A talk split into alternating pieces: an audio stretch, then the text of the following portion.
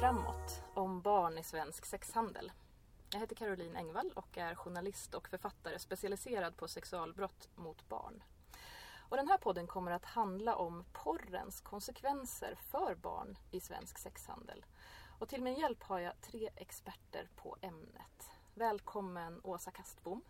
Tack så mycket. Berätta, vem är du? Jag heter Åsa Kastbom. Jag bor och arbetar i Linköping. Jag är överläkare på en traumaenhet för barn och ungdomar som har varit med om sexuella övergrepp och fysiskt våld av närstående. Jag jobbar också med akutpsykiatri och eh, inom Region Östergötland där vi har ett barnskyddsteam. Välkommen och välkommen också till Maria Alin. Tack. Ja, eh, Maria Alin heter jag och driver en ungdomsorganisation som heter Changing Attitudes. Och vi finns och vi arbetar för att egentligen eliminera de attityder som leder till sexköp. Och i det så pratar vi såklart väldigt mycket porr. Och tillsammans med Ulrika som också är här så har jag skrivit boken Visuell drog om barn, unga och nätporr. Så det är ju verkligen en fråga som jag brinner för. Och då har vi tredje gästen här idag, Ulrika Stigberg. Mm. Jag är då författare och eh, Visuell drog är en av de böcker som jag har skrivit och jag är också präst i Fryshuset sedan drygt 20 år tillbaka. Välkomna allihop och det här samtalet som vi ska ha idag det är ju brännande aktuellt. Det kommer att handla om eh, den lättillgängliga nätpornografin som våra barn möter idag. Berätta Maria Edin, hur, ser det ut idag för våra barn när de mm. går ut på nätet? Mm. Ja, men vi vet vi har ju ganska bra egentligen statistik. Den är några år gammal nu. Eh, men den är ändå väldigt bra och välgjord från Uppsala universitet, Magdalena Mattebo. Och där vet vi att 96 procent av tonårskillarna som går då på gymnasiet någon gång uppger då att man har konsumerat pornografi. Och sen ungefär 65 procent av tjejerna då säger att man också har sett pornografi. Och när det också då gäller killar så verkar 12,3 vara genomsnittsåldern för att första gången medvetet konsumera pornografi. Och för tjejerna så är den åldern strax under 14. Så 12 år är man alltså när man börjar titta på porr i Sverige idag? Stämmer. Vad är era iakttagelser kring det, Åsa Kastbom och Ulrika Stigberg? Nej, men jag tror att det stämmer det här med att medvetet börja titta på pornografi. Men jag tror att många drabbas, många barn drabbas av pornografi mycket, mycket, mycket tidigare. Från det att man får en padda eller en telefon i handen så drabbas man av det. För det räcker på att söka på tjejer eller killar eller så kommer det upp små pop-up eh, fönster när man spelar Minecraft med kontaktannonser och lite halvnakna killar och tjejer. Så att man drabbas av det även om man inte medvetet söker efter det. Mm. Vad säger du Ulrika Stigberg? Vilka är dina iakttagelser? Det som förvånade mig det var ju att eh, dels att man är så ung när man introduceras. Våran son var nio när han kom hem och berättade att han hade lärt sig i skolan på rasten hur man hittar porr. Och när jag går in och tittar på vad är det första som möter min nioåring, vad är det för bilder där?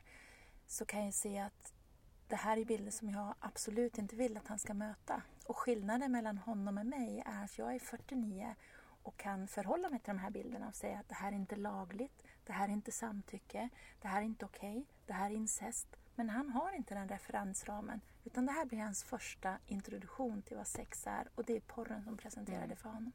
Och det tycker jag är nästan ett av de största problemen idag. Att det är barn som inte har en egen ingen egen erfarenhet av att vara ihop med någon, att ha sex eller Eh, de har ingen referensram överhuvudtaget utan introduktionen till samliv och sex blir via porren som är väldigt nästan bara våld idag. Innan de har en egen referensram. Precis som du säger Ulrika att vi har ju referensram. Vi har ju oss själva att utgå ifrån. Men de har ju inte det. De är ju oprogrammerade och de programmeras via porren. Och vad gör det med ett barn att möta porr så här tidigt? Ja, men många barn och unga som, som vi alla möter nog eh, här berättar ju bland annat att det får konsekvenser för eh, relationen som man är i eventuellt. Att det får konsekvenser för den syn man eventuellt har på samtycke. Att det flyttar gränser, att det också skapar förväntningar på en själv och på partnern. Kanske framförallt i den sexuella relationen. Att man känner någonstans att det här måste jag ställa upp på för att så ser det ut i porren. Mm. Ehm, det får ju också konsekvenser för utseende, så man jämför sig rent fysiskt. Hur ser jag ut jämfört med hur porren ser ut? Och sen vet vi också från forskning, och det här är egentligen inga nyheter, men att det också får stora konsekvenser för våra attityder. Att det förändrar hur vi ser på bland annat sexualbrott, sexuella övergrepp, sexköp kan man också se statistiska sannolikheten mm. ökar för sexköp om man konsumerar mycket porr. Så det här får stora, stora konsekvenser. Mm. Åsa Kaspom, vad ser du i ditt arbete som överläkare? Nej men jag ser ju att, för det där är lite äldre barn, men de mindre barnen, många får mardrömmar. De blir rädda av det de ser. De förstår inte det de ser de, och de vill också leka det de har sett. Och, och då kan de ju på det sättet också förgripa sig på andra barn för att man leker det man har sett som man inte förstår. För små barn, ett sätt att förstå och tolka världen är ju att, att reproducera, att leka det sen. Och, och det kan verkligen ställa till det både för dem själva och för kompisarna. Och det här är någonting som du ser i ditt yrkesliv? Ja, det har jag sett. Det har jag sett både privat och i yrkeslivet. Vad gör det med ett barn som möter det här så tidigt, Ulrika Stigberg, och inte har någon vuxen att, att prata om det? Mm. Det är det jag kan se är det stora problemet. Det är just det att det finns ingen vuxenvärld där som ger en motbild eller som ifrågasätter eller som förklarar. För vuxenvärlden tycker det här är ett svårt ämne att förhålla sig till och det gör ju att våra barn blir så otroligt ensamma i det.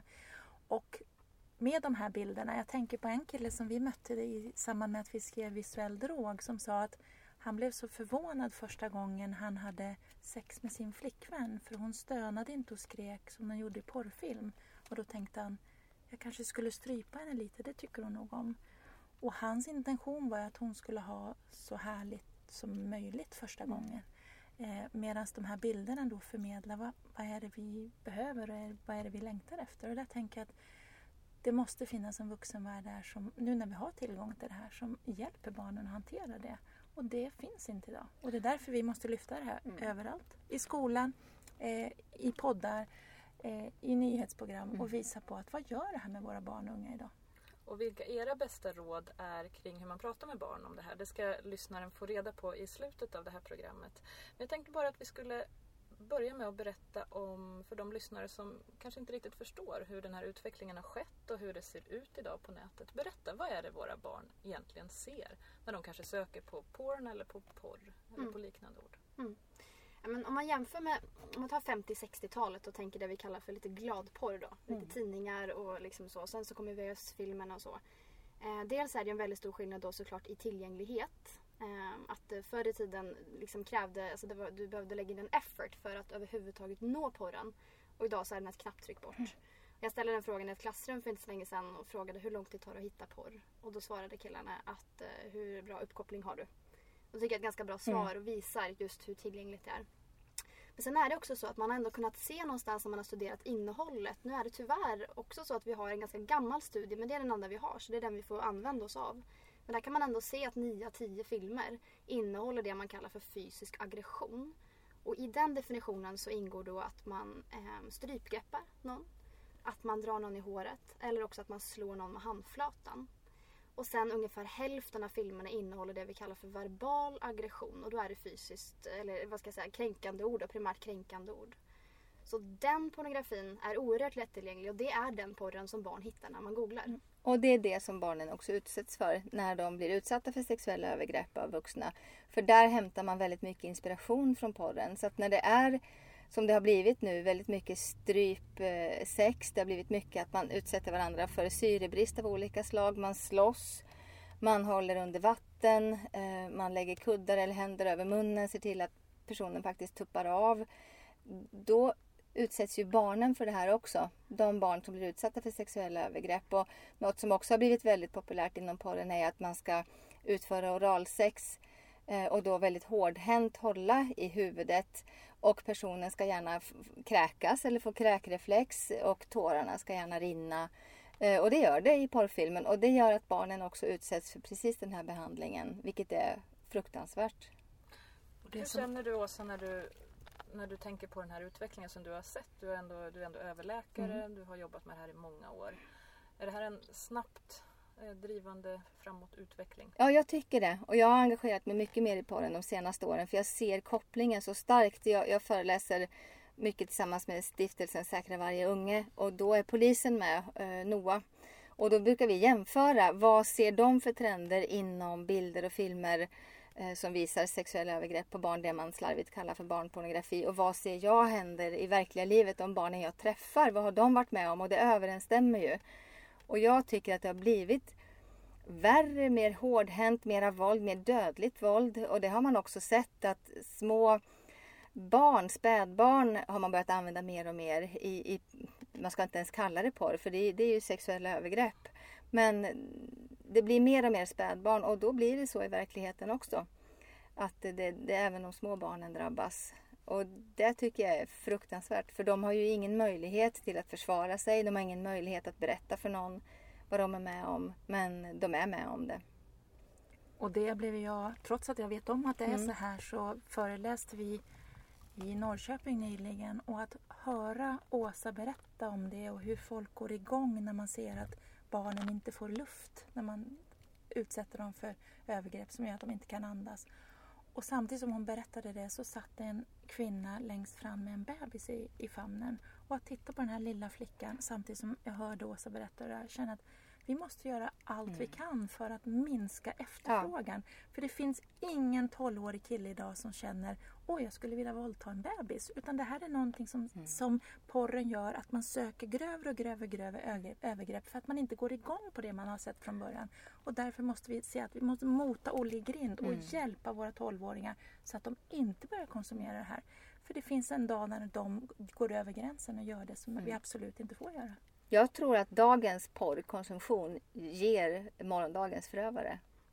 Jag är helt övertygad om det och vi måste stoppa nu. Vi, vi är redan ute för sent men vi måste stoppa nu och kan vi fördröja den dagen ett barn får tillgång till pornografi så har vi gjort någonting. Jag tror att det är det som med alkoholdebut, det gäller bara att skjuta på det för visst de kommer ju att komma i kontakt med det.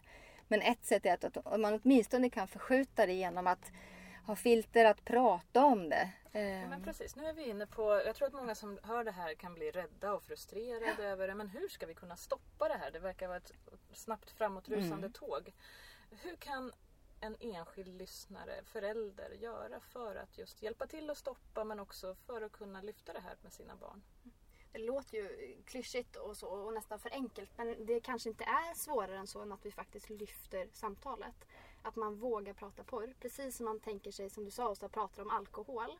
Eller prata cigaretter, eh, prata liksom, ja, men relationer, samlevnad, nätet. Alltså inkludera porren i det samtalet. Det tänker jag är det viktigaste. Och väldigt många som jag tror vi alla möter kan ju vara liksom rädda för att just liksom väcka björnen som sover. Det är ju klassiskt. Eh, men där brukar faktiskt vara att den björnen sover inte. Och om det är så att den sover så vill åtminstone du väcka den först. För det barnen får höra först kommer alltid allt annat som de sen får höra att jämföras med. Så först vill vi hinna, liksom, vi vill sätta en standard. Sen får porren eventuellt strida mot vår standard. Men nu är det tvärtom. Nu är det vi som kommer i efterhand Mm. och ska försöka städa upp efter vad porren har lärt ut. Så vi måste ju vända på den trenden. Hur kan man starta ett sånt här samtal med ett barn som man inte riktigt vet om den har kommit i kontakt med det här tidigare? Hur gör man det konkret? Jag tänker att det är ofta lätt om man kan anknyta till någonting. Till exempel, jag läste en artikel idag i tidningen om porr. Är det någonting som du vet vad det är? Eller har ni pratat om det i skolan? Eller? Hur kan man ta det här samtalet med ett barn som man inte riktigt vet om eh, han eller hon har börjat titta på porr? Jag tror att det första det handlar om är att visa att man har förmågan att härbärgera det barnet berättar. Att man berättar att det finns mycket där ute på nätet som kanske är jobbigt att titta på eller man blir rädd eller man undrar och att det finns ingenting man inte kan berätta. Att man kan komma och berätta för mamma eller pappa eller fröken att det här har jag sett och att jag kommer inte bli arg för att du berättar det här och jag kommer inte att stänga av internet utan det är viktigt att du känner att du kan komma till mig. Och då kan man man behöver inte nämna ordet porr överhuvudtaget utan man kan bara säga att vad som än du har mött så, så finns jag här och kan, vi kan dela det här tillsammans. Sen, ja, förlåt. Ja, sen tror jag att man ska hänga med barnen på nätet. Mm. Precis som man hänger med som förälder på fotbollsträningar, på simläger, ridläger, allt vad det är. Så ska man hänga med barnen på nätet. Sätta sig bredvid, om man får, men man kan ju försöka. Och be, visa eh, vad, vad spelar du, hur funkar det där? Jag provade själv att spela något som heter Portal häromdagen. Jag har provat PubG, jag har provat eh, alla möjliga spel. Och det blir också ett sätt att umgås. Och jag har haft sån stor nytta av det med mina patienter. För det är en bra inkörsport att kunna prata Fortnite med en 10-11-åring som inte vill komma och träffa ännu en tantläkare. Eh, kan jag då prata lite kills, lite vapen, lite ump, alltså då, då får personen förtroende för mig och det blir också ett sätt att umgås. Och då är det rätt lätt att prata, vad mer har du varit med om på nätet? Och jag brukar, jag pratar ju med alla barn eh, jag träffar i jobbet om nätet och då brukar jag ofta inleda med att fråga, först brukar jag fråga om fysiskt våld. Att, har du varit med om att, att, någon, att något barn har slagit dig någon gång? Så Och då har ju alla en historia. Och då ger jag mycket positiv feedback. Ja men vad bra du berättar. Ja men vad spännande. Aj, åh, ja nej men och vad hemskt och vad dumt och sådär. Och sen frågar jag, har du varit med om att någon vuxen har slagit dig? Och då är det ju en och annan som vågar berätta för att de är igång. Eh, och samma sak är det, har någon varit dum mot dig på nätet? Har någon lagt ut en bild på nätet som du inte ville? Har någon fotograferat dig? Och så bara öser man på med frågor. Men man måste, precis som du säger Ulrika, man måste visa att man tål att höra. Man kan det här, man vet vad det är, man, blir, man vet vad snuff-porn är. Det tar man ju inte upp själv, men att man ändå, när, om man kommer in på de domänerna, att man också själv känner sig trygg. Så att man vet vad man pratar om och att man kan surfa runt i de där vattnen lite grann. Men då måste man ha kunskap. Eh, annars är vi ju ganska dåliga på nätet, många vuxna. Och vi tycker att det är liksom deras värld. Så att jag tror att det handlar om att, att vara där och lära sig. Och där är ofta de de bästa lärarna, de som är mm. de barnen. Att man får berätta. Vad är det roligaste eller läskigaste mm. eller mest spännande du har sett? Att de får visa vad de kan. Vad tänker du Maria Line, ditt bästa tips? Ja, alltså det är ju jättebra det ni säger. Um, och det var egentligen lite det jag tänkte säga, precis det du sa också. Att ha koll på andra delar kring nätet också. Ha koll på spelvärlden till exempel och, och så. Um, men också, som vi också har varit inne på, alltså kopplat till aktuella händelser. Eh, som du sa Ulrika, att man har läst någonting eller hört någonting. Men jag tänker också skaffa sig kunskap, alltså läs på. Men samtidigt också, igen, sätt inte den liksom, ribban för högt så att du känner att gud jag måste ha läst all forskning som finns för att jag ska kunna ha det här samtalet. Alltså, mitt tips är att bara ha det. Kör. Det kommer gå bra. Vad upplever ni är mest akut i den situation som ändå barnen är i på nätet? Ehm, det är ju lätt att bli rädd för mm. hur det faktiskt ser ut. Vad skulle vi behöva göra alltså som samhälle? Prata med barnen. Ge dem en motvikt. Ge dem referens. Berätta så här är det inte i verkligheten. Det här, det här, så här ser inte sex ut för de allra flesta. Man behöver inte strypas. Man behöver inte vara våldsam. Man behöver inte slå med handflatan. Man behöver inte säga kränkande saker. Alltså att vi vettiga vuxna vågar gå ut och prata om porr. Med alla barn. Och det kan man börja med idag. Ikväll, nu. När som helst. Jag tänker också gärna inkludera eh, om man tycker att det är intressant. För det märker att det är många barn och unga som nappar på just den delen som handlar om hjärnan. Alltså vad händer i hjärnan när vi eventuellt exponeras för pornografi? Och där kan man ju se att det skulle kunna, lite slarvigt kan man uttrycka det som att det kidnappar belöningssystemet.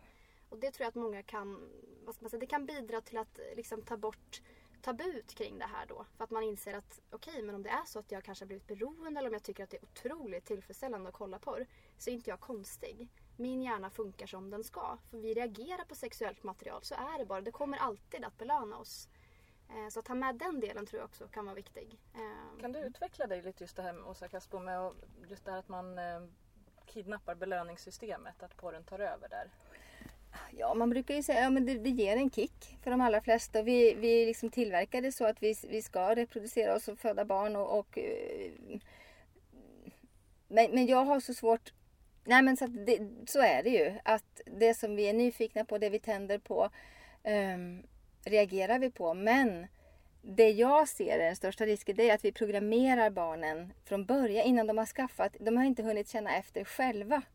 Utan vi lär dem att det här ska man tända på. Man ska tända på att någon säger nej. Man ska tända på att hålla i någon hårt. Man ska tända på att någon kräks. Att det blir så fel ingång. Det förändrar tändningsmönstret. Mm. Ja, det gör det. Och samtidigt tycker jag det är jätteviktigt att man lyfter det här med att hjärnor fungerar på det här sättet. Precis som att vi tycker om att äta socker eller vad det nu kan vara. Eller shoppa eller vad det nu är. Um, men att också är det otroligt viktigt att inte skuldbelägga. Utan att hjälpa de som har fastnat i det utan skuld. Det är inte de, de bär inte skulden själva. Och det är inte barnen som har producerat pornografin. Nej. Den är ju vuxenskapad. Och det tänker jag är liksom viktigt att, att komma ihåg. Att prata om pornografi kan ju ibland vara känsligt och det kan finnas ett motstånd hos en del människor som tycker att men, varför inte bara lämna porren i fred och låta folk tända på det de, det de vill? Mm. Vad har ni att säga till dem? Nej men så här, jag tänker precis som vi tänker kring alkohol, alkoholkonsumtion, så vet vi någonstans att vi har satt en åldersgräns och det finns en anledning till det. Det är också för att skydda barn, att barn är de yngre så kommer de vara mer känsliga, så är det bara. Och då ökar risken för beroende. Så det är ju å ena sidan att vi faktiskt kan någonstans, vi har satt en gräns och vi kan acceptera att vuxna kan faktiskt få dricka en öl på fredagskvällen. Men barnen ska inte göra det och definitivt inte i skolan. Så en konkret sak, bland annat också att, att ta med sig i det här, är ju bland annat att liksom installera porrfilter. För det saknas ju på ungefär hälften av Sveriges skolor idag. Så att eh, hälften av Sveriges skolbarn kan gå till skolan då utan några som helst skydd egentligen mot pornografi.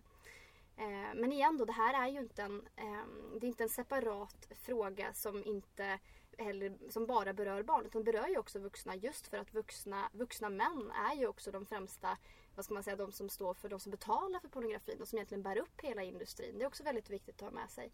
Och igen att pornografin inte är eh, barnskapad utan den är vuxenskapad. Vuxna har skapat den och vuxna bidrar till att upprätthålla den. Och vuxna låter bli att samtala om den så att barnen får ta konsekvenserna. Mm. Det är väldigt orättvist. Mm. Men vuxna sätter också nätet i handen på sina barn utan att ta snacket. Och just den här biten som du tog upp Maria Elin med filter har det också funnits en debatt kring. Ska man ha filter eller inte? Um, vad vill ni säga till lyssnarna som funderar kring just det här med filter? Vara eller inte vara? Jag möter, eller vi möter ju ofta folk som säger att filtret ska sitta i åttaåringens eget huvud. Och det är ju väldigt fint tänkt men det är inte på så många andra plan som vi tänker så utan vi gör ju allt vi kan för att hjälpa våra barn med cykelhjälm och flytvästar och barnsäkra hemmet. Så vi försöker på alla sätt och vis att skydda dem. Men på det här området så ska vi inte göra vad vi kan för att skydda. Och det är, det, det är självklart att man tycker att det här är spännande med sex när man är åtta år. För det, det tycker vi förhoppningsvis hela livet och det är någonting som ligger i oss. Så att det är spännande. Men vi behöver ju visa, vi som vuxenvärld, att vi hjälper dem så att de slipper hamna i det här. Och där tror jag att eh, man behöver tänka både en och två gånger att nu har vi fått det här fantastiska internet med allt vad det innebär. Men precis som vi jobbar med bilar och hur vi kan öka säkerheten kring det så måste vi också göra det med, med nätet. Jag tänker också mycket, ibland kan jag tänka det är så intressant hur vi på något sätt, hur sak, vissa saker går under radarn. Som till exempel porren. För att dels skulle vi ju aldrig acceptera att barn köpte sex. Men pornografi är ju dokumenterad mm. prostitution så att använda sig av pornografi är ju på ett sätt att nyttja en sexuell tjänst. Men det har vi till och med lagstiftning mot. Eh, det är det ena. Sen kan jag också tycka att vi vet ju att vi skulle reagera väldigt starkt om det kom fram att barn såg deras föräldrar ha sex som en del av sexualkunskapen. Men samtidigt så vill man hävda att pornografi är ett sätt att lära ut sexualkunskap. Men till och med då så ska barnen titta på att två vuxna har sex som de inte ens känner. Alltså då vore det ju bättre om de tittade på att föräldrarna hade sex. Men det skulle vi aldrig acceptera. Så att det är så mycket liksom, twistar i det här som vi måste reda ut så att vi vet vad vi faktiskt pratar om. Mm. Och många som är emot filter säger att vi istället ska prata med barnen. Men jag tycker att man ska göra både och. Vi ska på alla sätt skydda och hjälpa barnen genom att både prata och använda filter. Om vi ska avsluta den här podden med varsitt tips på hur vi kan starta det här samtalet redan idag med våra barn. Vilket skulle det vara från er? lär dig nätet. In och, och, ja, Åsa. In och lär dig nätet. Eh, och våga prata om det de gör och det de ser. Ta samtalet redan idag. Man behöver inte vara expert. Det räcker med att bara vara en vettig vuxen. Jag tycker det är viktigt att inte ladda för det stora porrpratet. Att man går och liksom, nu ska jag ta det där samtalet. För risken är att det aldrig blir av. För man vill att det ska vara så otroligt bra. Utan då är det bättre att ta några små korta stunder. Kanske bara mm. säga att det här har jag läst idag. Är det någonting du har tänkt på eller mött någonstans? Och vad, det behöver inte bli ett samtal. Man kan bara lyfta ämnet för att visa att det här ämnet kan man prata om i vårt hem. Det är inget farligt. Ja, förutom att man själv som förälder och eventuellt anhörig så ska ta det samtalet så tänker jag att man också som förälder kan eh, mejla till rektorn på skolan och fråga dels finns det porrfilter på den här skolan och sen vad har ni för samtal kring pornografi på den här skolan. Så att man säkrar upp från alla håll. Maria Lin och Ulrika Stigberg, författare och Åsa Kastbom, överläkare. Tusen tack för att ni ville komma hit och dela med er av er kunskap. Tack. Tack. Tack också till dig som har lyssnat. Och eh, du har lyssnat på podden Vägen framåt om barn i svensk sexhandel. Jag heter Caroline Engvall.